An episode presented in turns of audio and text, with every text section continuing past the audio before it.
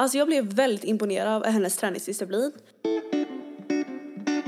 När man träffar Caroline så är det ju lite som att ha ett möte med solen.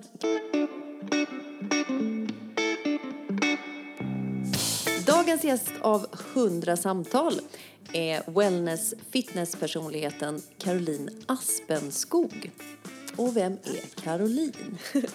Fina Caroline är en person som jag har följt på Instagram ett tag. Alltså jag blev väldigt imponerad av hennes träningsdisciplin. Som ni vet då så tävlar hon ju i wellness fitness men hon är också PT. Eh, och hon förekommer i ett program på Dplay där hon coachar andra. Och det var där jag verkligen kände att gud, hon ska vara med i podden för att hon är så imponerande. Hon lyckas lyfta fram andra och få dem att bli motiverade och peppade att börja träna. Och just det här att hon ger andra känslan av att ja, jag kommer nå mina mål. Mm. När man träffar Caroline så är det ju lite som att ha ett möte med solen. För hon har sån otrolig energi och utstrålning. Men eh, också mycket pondus, skinn på näsan. Det här är en eh, kvinna som vet eh, vad hon vill. Vilket ju också krävs i den här sporten. Mycket disciplin och hård träning. Och självklart så mötte vi ju henne och hennes hund Appe som man hör lite ibland i bakgrunden på hennes hemmagym i Stockholm, allra längst ner i källaren. Alltså Delta gym har jag ju tränat på sen i det är ett jättegammalt gym. Mm. Så det har funnits från 1991. Oj. Så det har funnits Oj. jättelänge. Ja. Så det sitter verkligen i väggarna så man får bra träningspass. Ja, man kände lite det när vi kom ner ja, i lokalen att det var lite så här lite grotta. grotta och här är de riktiga. Det, riktiga. Men det är det som är så fint för att det här gymmet har verkligen Alltså det är väldigt mycket skärm och glädje och kärlek. Mm. Och det tycker jag är viktigt när man är på ett gym att det är väldigt eh, så här, lite genuint, man hälsar på varandra. Det är väldigt familjärt kan ja, man säga. Verkligen. Väldigt familjärt. Och då började jag träna ihop med en kompis här mycket i höstas som heter Sofie. Och eh, hon har ju tränat här säkert tio år. Och då blev det att jag började träna här inför min, mitt VM. För jag hade lite motivationsbrist. Och då kände jag att nej, nu behöver jag verkligen jobba upp min motivation. Vad ska jag göra? Jag bara, nej men jag börjar träna på ett nytt gym och kör. Mm. Men vad skulle du säga, vad, vad, vad, snittar du i tid här? Eh, din egen träning inklusive all coachning du gör. Hur mycket, hur mycket hänger det här ungefär ja. i veckan? Eh, jag försöker hålla min PT på ungefär, mm, helst, alltså runt 20 timmar i veckan. Men det blir ungefär 28-30. Det är lite olika. Så jag kör nu. Eh, och sen min egen träning just nu. Jag skulle vilja säga så här att just nu motionärstränar jag. När jag tänker att jag motionärstränar så är det, vi säger att det är en timme, sex dagar i veckan ungefär, så jag kör. Så jag tränar ungefär sex dagar i veckan, en timme. Men mentalitet, jag tror att det är just min mentalitet. Tidsmässigt så lägger jag ju samma när jag tävlingsdietar, fast två timmar till ungefär. En till två timmar till. Det är lite olika. Men just att mentaliteten är lite mer, um, den är annorlunda nu. För att nu inför att jag ska tävla till nästa år då, så blir ett EM. Eh, då vill jag så här, vila lite mentalt ifrån det. Jag vill stärka upp mina svaga, alltså svagheter i kroppen, jobba mycket, lite prehabträning. Och sen så att jag faktiskt mer cirkulerar kroppen. För att jag vet att sen när jag kör igång min diet så vill jag vara 200 procent. Men hur kom du in på det från början? Jag har alltid fascinerats väldigt mycket över um, kroppar. Alltså sådär hur man kan skapa sig, man kan forma sig i en kropp. Eh, och sen så var det min pappa, nu lever inte min pappa längre, men när han levde så tränade han jättemycket styrketräning. Så så jag var liten, alltså jag tror jag var Alltså jag var åtta år, typ när jag var inne på ett gym lite första gången. Alltså jag körde någonting så här, men jag var inte alls gammal. Men sen när jag blev eh, 13 så började jag styrketräna ganska så här, lite mer seriöst på gym var det. Lite pass och sen var gymmet. Och sen när jag var 15 så började jag träna ganska mycket med eh, min pappa i gymmet. Och efter det så började jag få upp ett intresse för att jag gillade eh, känslan i det. Jag har alltid gillat att vara stark. Och då tänker inte jag stark så att jag måste ta massa vikt utan bara känslan av att jag är kanske explosiv, jag är stark, jag har bra kondition, jag känner mig frisk i kroppen. Och det har nog drivit mig alltid till att fortsätta med, trän alltså med att träna på det sättet. Sen så var det faktiskt som jag egentligen helt och hållet kom in på det så var det att eh, när min pappa dog 2010 innan han dog, det var tre månader ungefär, då sa han så här till mig att ja, Caroline, du borde tävla eller modella i fitness. Det hade passat dig. Jag bara ja. Alltså jag tänkte inte så mycket på det. Jag var så 19 så jag tänkte inte så mycket på det. Så jag bara nej. Men sen så gick det några år. Då utbildade jag mig till personlig tränare. Och jag tänkte inte ens på det som han sa eller någonting. Utan jag bara körde på, utbildade mig i det här. så blev det att jag bara började min resa 2012 faktiskt. Men när din pappa sa det, att eh, det skulle passa dig. Vad är det då, om du tänker tillbaka, som han såg och som du känner idag? Att, eh, vad, är, vad är det i sporten som gör att det passar dig, som, som gör att du gillar det? Jag tror han såg faktiskt den potentialen. För det är så här, man har genetiska förutsättningar, man har vissa muskler, man, föds på ett visst sätt. Och jag har alltid varit liten, ganska så kompakt och har haft lätt att bygga muskler. Och jag tror han såg det för att det som jag kunde äta på, jag kunde träna. Eller så var det kanske styrka att jag hade pannben. För han var väl så när jag tränade att han, han pushade på mig ganska hårt i träningen. Och Liksom att, sa att jag är stark, men du är starkare. Han sa ofta att jag är stark. Och det har jag alltid gillat. Så kanske jag har levt någonting att jag alltid ville vara stark framför pappa. Men det roliga är att sen när han... Eh, jag, kom inte, jag tänkte inte ens på det här när jag utbildade mig överhuvudtaget. Att han hade sagt de här sakerna. Utan först när jag kom på det, eller tänkte på det. Det var faktiskt när jag gjorde min första tävling i bikini fitness 2013. Och då eh, fick jag göra en fotografering. Och då var det för Body Magazine, kommer jag ihåg. Och då så sen kom jag på det att, men gud, nu gör jag ju det som pappa sa. För då hade det ändå gått tre år. Och då var det så här bara shit, nu gör jag det. Det finns ju mer att jag gör det som jag ska göra. För jag hade inte ens reflekterat över det innan. Om du ska förklara lite grann då för eh, en total nybörjare. Vad, vad, vad går det ut på, wellness fitness? Hur, hur fungerar det? Liksom? Hur, hur ser sporten ut? Hur är den upplagd? Ehm, det är just i wellness fitness så jag gör. Vi kan säga att man ska ha, och det var faktiskt en lite svår fråga för att det är, det är så lätt att man ser på en bild men då förklarar det lite annorlunda.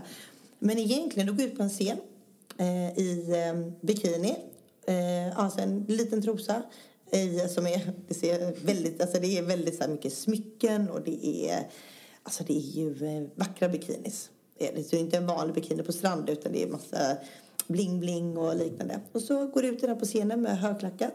Du har en spraytan på dig. Du är makead till max. Du har äh, håret är perfekt. Du är skitsnygg. Sen är du superdeffad. Så det du egentligen har gjort är att du har byggt upp en fysik och byggt muskler för att sen definiera det här. Och du kanske ligger en så här kroppsfett på 8-10 procent som tjej. Det är olika från person till person. Men runt 8-10 procent i kroppsfett. Så du har väldigt, väldigt lite fett på kroppen. Och sen går du ut på scenen och där eh, flexar du. Så då har man olika obligatoriska poser där man står i line med allihopa. Och så blir man bedömd då på sitt utseende. Och då har vi, vi som en frontpose som är väldigt så här graciös. Vi har en side pose där vi visar upp sidan, alltså midja, rumpa, benen. Det, det ska vara som en liten silhuett liksom. Och så gör vi en back pose och så är det en side och en front pose. Och där blir vi då sorterade ut i olika first call out, second call out och så third call out. Eh, call out. Och så är man i tredje call outen så är man ju bland de sämsta då. Och i det första call outen så är man bland de bästa. Sen efter det så får man göra en final och då har man ett fritt program eh, där man också gör nästan samma poser men lite mer fritt och lite mer show då liksom. 10 till 8 procent kroppsfett. Ja, det är ju sjukt. Men när du ska ta dig dit, alltså, hur håller du dig motiverad? För det är ju verkligen att pusha sig själv to the edge. Ja. ehm. nej men det är, du behöver ha en väldigt tydlig målbild. Egentligen allting. Oavsett om det är en tävling eller vilket mål du än har eller vilken sport det är så behöver du se din målbild. Och om du kan se målbilden och verkligen jobba för den hela tiden då håller du oftast dig ganska motiverad. Men du kan ju få en väldigt så här motivationsbrist om du har kört på det väldigt länge. Du har tröttat ut i motivation, du har ingenting kvar. Då måste du finna det någonstans. Och det är inte att jag går runt och har motivation varje dag som förra året och tävlar hela året. Absolut inte. Jag hade ingen motivation till hösten. Så vi kan egentligen ta när jag inte hade motivation. För att det är så här att det är extremt lätt att göra saker oavsett om det är arbete eller om det är en sport eller det är att ta hand om familj eller vara med sina vänner. Vad det än är, så länge du har din motivation och det går bra, vi säger om du, vi säger om du går ner i vikt, mm, du tappar i vikt, din träning går bra, kosten flyter på, men allting är jäkligt bra. Då håller man sig ofta motiverad. Men det är inte där utmaningen är. Så utmaningen är ju när det inte går som du vill. Ja, du säger att du kämpar som fasen. Mm, du går inte ner någonting. Jag kan stå still i vikt i 8-10 veckor och kämpa som attan för det. Men jag går inte ner någonting. Och jag vet om att jag måste vara klar om 20 veckor totalt till exempel. Den är ju både stress, så du måste ju lära dig hantera det. Och det är ju också då att då måste du gilla utmaningen till att det inte går som du vill. Att du måste ju vilja övervinna dig själv hela tiden. Så det driver ju mig mycket. Och sen har jag en sak som jag tänker på. Det är att alltså, jag måste slutföra det som jag påbörjar. Mm. Och jag slutför det som påbörjar så vet jag om att det kommer ta mig vidare. För om man gjort det en gång så vet man, shit jag gjorde det här, jag klarade det här och sen lyckades jag med det här. Så det är mycket det som faktiskt driver mig. Om jag sätter upp ett mål så vill jag slutföra. För jag vet att det kommer leda mig någon annanstans. Men sen så tänker jag ett steg längre. För jag säger, ah, absolut, ge upp är jättelätt. Det kan man göra. Ja, men jag ger upp, jag skiter, det funkar inte. Okej, men hur mår du efter, om du tänker framåt, när din tävling har varit? Du sket i den tävlingen. Hur mår du då? Känner du dig nöjd? Eller hur kommer jag må? Så brukar jag fråga mig själv, nej antagligen kommer jag inte må så bra för att jag har inte gjort det som jag ville. Okej, är det värt att fortsätta kämpa i tre månader till? För vad är egentligen tre månader? Och då gör jag det. Och sen så vet jag om att, så nu efter VM, jag är inte alls motiverad. Superskönt. Men det är ändå en otrolig disciplin att ha, ha det tänket. Så hur mycket skulle du säga är pannben i din sport?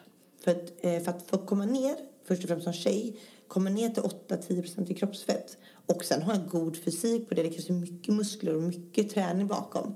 Och för att se, för att går du ner 8-10% och inte har så mycket muskler så kommer du se smal ut. Så du måste ha proportion, lite finess och sådana små saker. Men vi ska säga för att eh, ta sig ner det så krävs det mycket träning först och främst. Sen så krävs det så kanske två, tre timmar om dagen. Det är olika beroende på läge och person. Sen så krävs det kosten är 100% hela tiden. Och sen så krävs det också att du eh, kan träna hårt. Och du behöver träna hårt på ett kaloriunderskott. Där är pannben. Så egentligen är ju pannbenet i träningen, det andra är disciplin. Så det är faktiskt en bra fråga. Så det är inte pannben i allting. Det är disciplin i mycket och det är pannben i vissa moment. Och det är där det kommer in i träningen. Där, det är lätt att säga innan, att jag ska kämpa, jag ska göra det, det, det. Ja, men för att få resultat så räcker det inte att säga, du måste göra. Så kan du pressa dig själv, kan du förstå att det inte är farligt och våga köra, att det släpper sen, då, det är pannben. Och det har jag. Ja, men om vi går lite djupare då på dieten. Alltså från start då, när du börjar din diet till slut, hur länge pågår det ungefär? Det är ju lite olika från gång till gång, men jag gillar att göra långa dieter. Det har fungerat bäst för mig. För det blir att jag kan vara så lite successiv i det. Så då går jag gärna på en diet i mellan 20 till 24 veckor. Som nu då kommer jag ju tävla i eh, slutet på april eh, 2021. Då börjar min diet i november. Sen kanske jag fortsätter till juni månad och tävla. Så från november till juni. Sen så kanske jag tar ett break i en månad om jag kör VM. Och sen så kör jag igen då från kanske, nej, i så fall blir det ju det hela tiden. Ja, så det är typ det hela tiden. Men då gäller det att vara smart och inte kanske gå upp så mycket i vikt utan du får liksom eh, ligga ganska bra i, eh, i vikt hela tiden. Så det gäller att tänka smart också. Men det brukar vara, jag vill säga ett halvår brukar jag ungefär köra. Vad äter du eh, tävlingsveckan kontra tre, fyra månader innan tävling? Ehm, det är så, ehm, det är lite olika beroende på, för allting handlar ju väldigt mycket om ditt utgångsläge. Men jag äter, det är många tror att man äter extremt lite mat och det gör man ju inte till en början. Jag äter ju väldigt mycket mat. Jag äter mycket kanske potatis, jag äter sötpotatis, jag äter ris. Och det är nästan till varje mål i början, gör jag det. Och sen äter jag även protein i form av kanske kyckling, vit fisk. Jag kan äta rött kött. Jag äter inte så mycket rött kött, utan jag äter kanske lite vilt. Och sen så har jag mycket fibrer, jag har grönsaker i min kost. Och sen så har jag också fett som kanske är jordnötssmör. Jag har mycket avokado, olivolja eller avokadoolja. Så det är ju väldigt bra mat som man äter. Jag tycker den här sporten kan vara ganska ocharmig. För det är så här, ja men det är typ så här, hardcore typ och det ska vara så här hårt och det ska vara så dutt, dutt, dutt, och det ska nästan vara jobbigt allting. De flesta som faktiskt gör inom sport, inte de flesta men många inom sporten tycker att det är väldigt mycket klagomål. Jag kan också klaga när jag går på diet. Men någonstans så frågar jag mig själv, ja men är det någon som har tvingat dig Karo? Nej, det är ingen. Du har valt det här själv. Klaga inte. Du vill ju göra det. Om du inte vill det, gör det inte. Det är ingen som har tvingat. Och det är där också man får påminna sig själv. Ja, det är jobbigt, men du har gjort ett val att göra det. Och tycker du det är jobbigt, gör det inte. Nej men det kräver ju en grundpassion så att säga. Ja, och du måste gilla det. Du vill ju se utvecklingen i det. Och, ehm, och det är också det att då fick jag ju lite nog av... Jag har varit lite allergisk mot det här att leva i sin matlåda. För någonstans så känner jag att ja, men jag vill tävla. Eh, och jag vill vara disciplinerad, vill träna hårt. Eh, jag kan begränsa mig till en viss del. Men jag tänker inte ta bort min sociala bit. Men jag kan ju styra mycket själv så att jag reser jättemycket på diet. Jag är utomlands hur mycket som helst. Jag äter nästan all min mat ute. I vissa fall så är jag också med mig vissa råvaror när jag åker utomlands. Men jag vill resa, jag vill inte begränsa mig i mitt resande för att jag ska dieta. Så du har inte med dig matlåda då? Skulle, nej, det gör Nej, jag inte. nej. Däremot det sista är det så att jag går på low day, high day. Då är det slutet. Och low day, high day är inget man måste, men jag brukar göra det. Och då ligger jag kanske lågt i kalorier liksom. Och då är det mycket vit fisk och det är kanske broccoli. Och då äter jag kanske inte kolhydrater på två dagar. Och sen så äter jag kolhydrater, men då måste jag i mig rätt. Och jag kan inte riskera att få i mig den oljan för det är så små marginaler. Då är jag begränsad. Men det kanske är tio veckor ut eller åtta veckor ut. Du var ju med i en eh, serie, Fitness Diaries, på, på Dplay. Eh, där man dels fick följa din träningsresa och också där du coachade andra. Eh, och det som var så slående och som gjorde att vi också tyckte att du var en sån, sån härlig person det är att du har sån tro på andra människor. Kan alla få sin, sin drömkropp? Liksom? Är det realistiskt? Vad skulle du säga? Ja, alltså grejen är så här att alla människor... Mm, man sin någonstans måste man ju göra jobbet själv. Det räcker ju inte att du peppar. Nej, gud, nej, nej, nej. Det där är mycket... Jag, säga, alla, jag är väldigt viktig till klienter som jag har så är det väldigt viktigt att jag vill alltid lyfta fram dem. För att det spelar ingen roll vad jag säger vad jag gör om de själva inte gör arbetet när jag inte är där.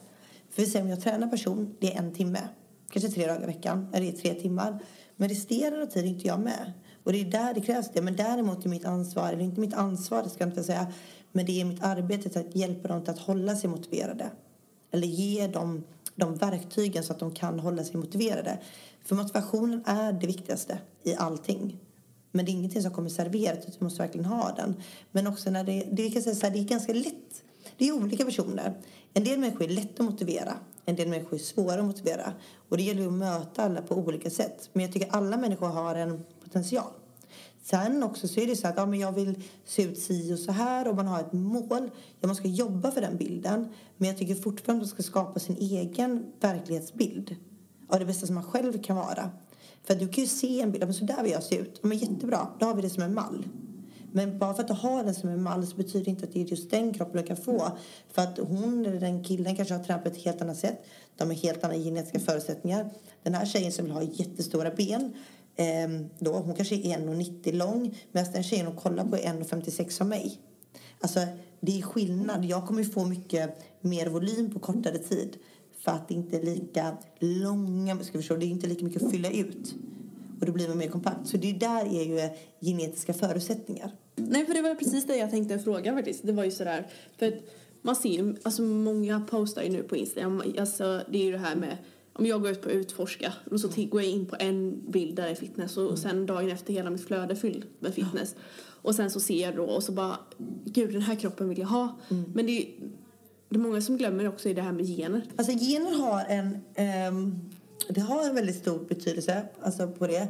Men sen så är det så, så här mycket, folk kan, man kan se en fysik men det krävs så mycket ibland. Det, faktiskt när man är vältränad så är det nästan att man kan nästan faktiskt se ner på sån fysik. Det är så att, ja men så mycket muskler vill inte jag ha. Abbe, du håller med mig också.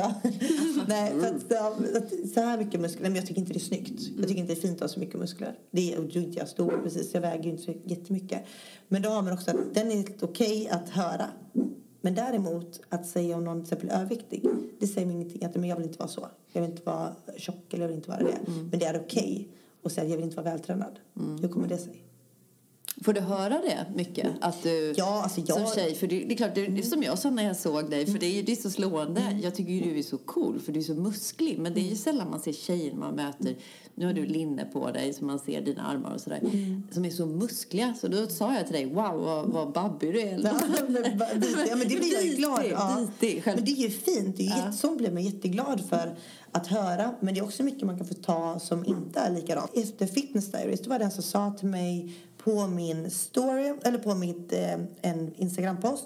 Eh, jag såg Fitness Diaries. Det är den enda dåliga kommentaren jag har fått. Det är den enda. Eh, du både ser ut och låter som en man. Jag bara, wow. Så jag bara, jaha, absolut.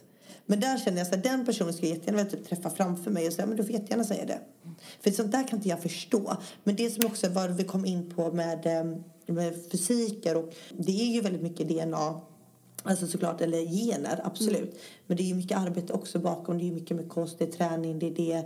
Eh, olika hur man ser ut, man är lång eller man är kort. Ja. Och det är därför jag tror att man alltid ska skapa, vad tycker jag är fint? För du är, du är 1,56 Mm. väger 63 kilo. Jag är 1,73 och väger 63 kilo. Ja. Så att, och det är ju lite skillnad på oss i muskelmassa så att eh, där är ju verkligen ett tydligt exempel. Ja, det blir väl det. När jag dietar väger jag, då väger jag 54 ner, ner på tävling. Så nu är det ungefär 10, ja, 9 kilo mer kanske. Så jag går ner ungefär ja, men 9 kilo från nu. Och sen så gör jag en tumning med bort vätska i kroppen. Det väger ungefär 51 på scen. 51 och en halv. När vi är inne på det här med sociala medier.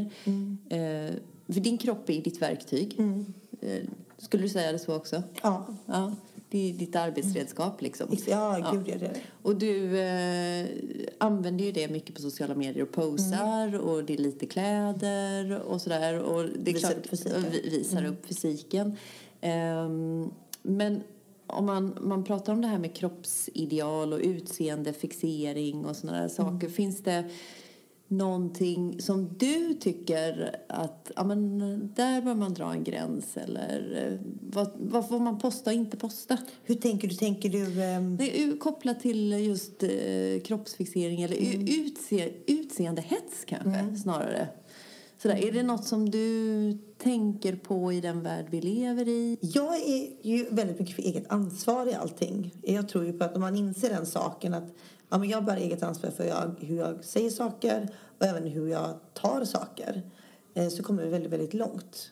Jag personligen själv känner ju att förr i tiden eh, när jag postade så var det väldigt mycket kanske Säger jag naket så här så blir det helt fel. Men då kanske man visar upp lite mer, ja, lite mer booty, lite mer det. Men då var jag yngre.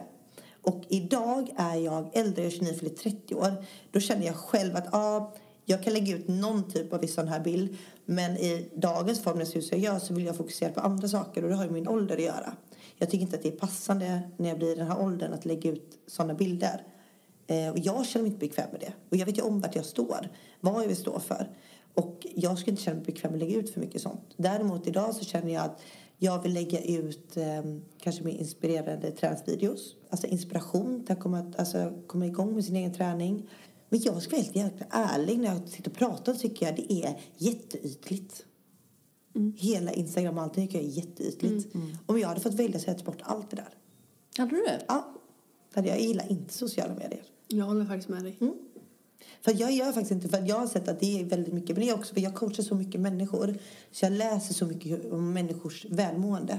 Och jag kan bli jätteledsen när jag läser mina formulär om människor som vill ta hjälp.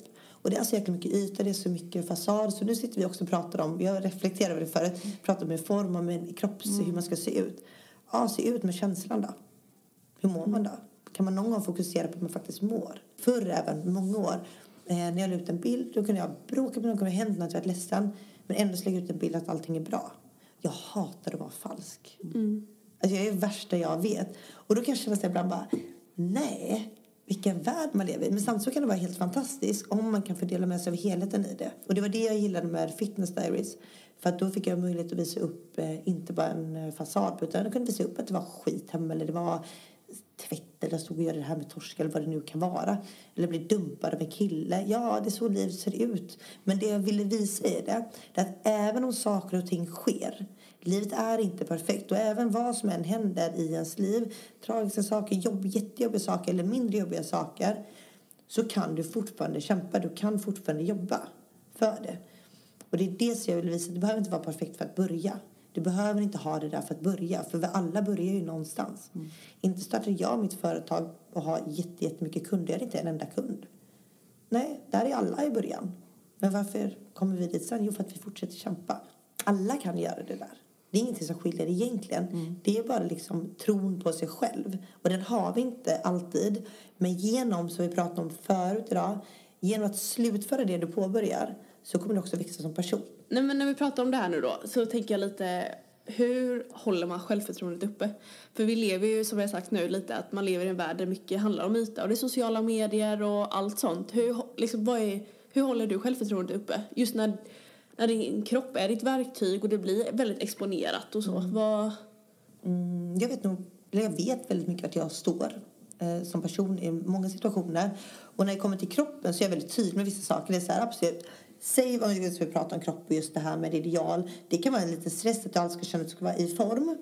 För det, och det var jättejobbigt för, för mig. För du ska alltid vara i form och det blir mycket ifrågasättningar. Att ah, men shit nu har hon gått upp mycket. Eller aha undrar varför shit nu har hon blivit fet. Eller hon blivit det. Alltså sånt hör man hela tiden. Jättemycket skitsnack. Det är det såklart inom alla sporter är ju sådana runt omkring. Men jag har alltid sett anledningar för människor gör det. Det, är så, ah, det finns en liten avundsjuka där. Det finns någonting. Och det kan jag gilla. För det är så absolut, snacka nej, men jag kan leverera. Och där är jag jättesäker, för jag vet om att jag har pannben de här sakerna. Jag kan pressa mig själv mer än vad ni kan. Och det ska jag inte som bevis för någon annan, utan bara för mig själv. Att jag kan göra det här. Mm. Och det får ju mitt självförtroende att känna att jag klarar av det här. Klarar av det, och nu klarar jag av det, nu klarar jag av det. Men det jag gjorde skillnad på till mig var att, um, okej, okay, säg när jag tävlar, nu får jag precis vad ni vill. Exakt, för då är det skillnad på privat och um, arbete eller privat, sociala medier, allting. Det är så här att tävlar jag, du har gjort ett aktivt val att uh, gå upp och få en bedömning. Det är ett val jag har gjort, då får de säga egentligen vad de vill. Publiken, ni får säga också vad ni vill. För jag har gått upp och visat upp den här fysiken. Mm. Ja, det kan vara tufft. För, ja, men, hon var inte så hård den här gången, hon var inte riktigt i form. Alltså det är inte så kul att höra. Nej, men det kanske var så. Det, är en åsikt. Men säg ingenting till mig privat. Det har inte ni med att göra. Nej, men jag tänkte för att Kolla du... Vilken söt nos. Mm. Äntligen fått fokus igen. Nej men i Fitness Diaries så sitter du och eh, din bästa väninna mm. eh, i, Unni? Eller Unni eller är det Josefin? Jag tror det är Unni. Ja. Eh, och så pratar ni om killar. Ja.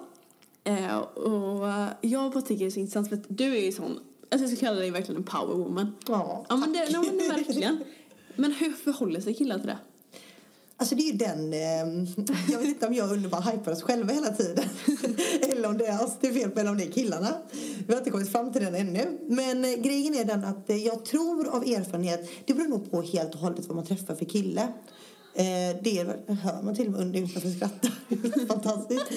Eh, Säg till att hon förstör podden. Nej, jag skojar. Nej, men grejen är, jag tror att ehm, en del har nog lite svårt för det eh, faktiskt. En del killar. För det är mycket det här mans... Eh, men med muskler och sånt så tror jag inte att det är så himla mycket egentligen. Det har inte jag träffat någon som har egentligen, eller har lite kanske sagt. Men det är mycket utseende och eh, den är lite svår fråga. Eller hur, mm. tänker du, hur tänker du exakt på det? För man kan ju definiera killar på så många olika sätt. Jag är inte manshatare dock, men... Nej men jag tänker mer så här, är du singel nu? Ja, jag är singel. Ja. ja. Jag tänker så här, vad för det finns ju, eller alltså om vi ska kategorisera mm. killar då. Mm. Alltså känner du bara, nej men jag kan bara dejta fitnesskillar för att de förstår sig på min värld? Eller är det så här bara, nej tack, mm. ni bara älskar er själva, jag vill ha någon som bara är helt utifrån det här och bara mm. jag tror alltså är det en kille som är inom fitness, som, jag, jag går ju alltid på person, mm. men är, av det jag har träffat så tycker jag att det är väldigt mycket yta i eh, fitnessvärlden. Och det är inte något som jag är riktigt intresserad av för jag tycker det det ger inte mig så mycket. Och av dem som jag träffar, inte så många, men i det så känner jag att nej, men jag har inte så mycket utbyte av det. För jag tycker jag vill inte leva med någon som har faktiskt samma livsstil som mig.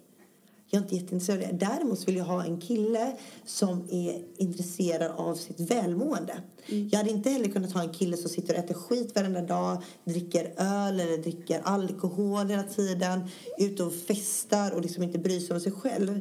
För det tycker jag är så här, för mig blir det också avtändande. Likaväl som jag tycker det är avtändande med en kille som bara sitter eh, hybrilt med sin matlåda och bara pratar om sina magrutor eller spänner biceps. Ja. Så det är ju bara samma sak fast på olika nivåer. Men nu har ju du en kille i famnen. Ja, det är det. Appe, din vovve. För ja. vi hör honom lite här tror jag ibland i micken. men hur är han då? Hur håller han sig till sin matlåda? Han, han har sin diet men han är väldigt så han är alert och duktig. Han kör enligt kostplan som jag lägger upp. Aha, jag bestämmer promenaden. Kan man säga så här. Mm. Hittar jag någon som kan göra att jag får styra lite så funkar det perfekt. Ja, en, en uh, appe på två ben istället Precis, då? Nej, jag tror det kan vara lite svårt. Jag är ganska så här bestämd. Uh, jag tror att det kan vara lite svårt för uh, många killar faktiskt att ta det. Mm. Jag behöver en riktig man. Har jag sagt. En riktig man. Ja, men också en kille som kanske är säker i sig själv. Ja, är ju oftast ja. det som... Ja, ligger ja, tror jag ja. mycket i det. Utan att vara självcentrerad. Utan. Exakt. Vi har kört på en liten grej här nu. Vi har en frå sista fråga så mm. eh, och det är om du hade blivit statsminister ja. och fick ändra en sak direkt när du kom till makten. Du hade liksom, du tänker att du behöver inte, du liksom bara, du får bestämma den här saken och så ändras den direkt. Jävlar. Hade jag varit statsminister och fått ändra en sak som verkligen gått igenom då är det bättre ett kösystem inom typ vård och eh, sjukvård. Eller få rätt hjälp. Kanske har det att göra med att jag jobbar inom träning så jag ser att många människor får vänta väldigt länge. Men det är det jag vilja förändra. Kul det var att um, få träffa dig Caroline och få vara nere i ditt poseringsrum Ja, där vi ja, sitter. exakt. Ja. Och eh, få träffa Appe också. Han är väldigt rastlös nu. Men vi önskar dig superlycka till nu med alla dina projekt framåt och tävlingar framför allt. Ja, tack så verkligen. jättemycket och tack för att jag fick vara med. Ja, så Och roligt. tack att jag fick vara med. Ja, tack så mycket. Hej då. Hej då! Hej då!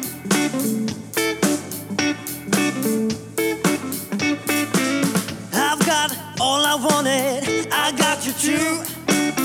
But when you left me, baby, my heart turned blue. I don't know where I'm going, I'm falling free. Losing all my feelings I had in me. You broke me into pieces,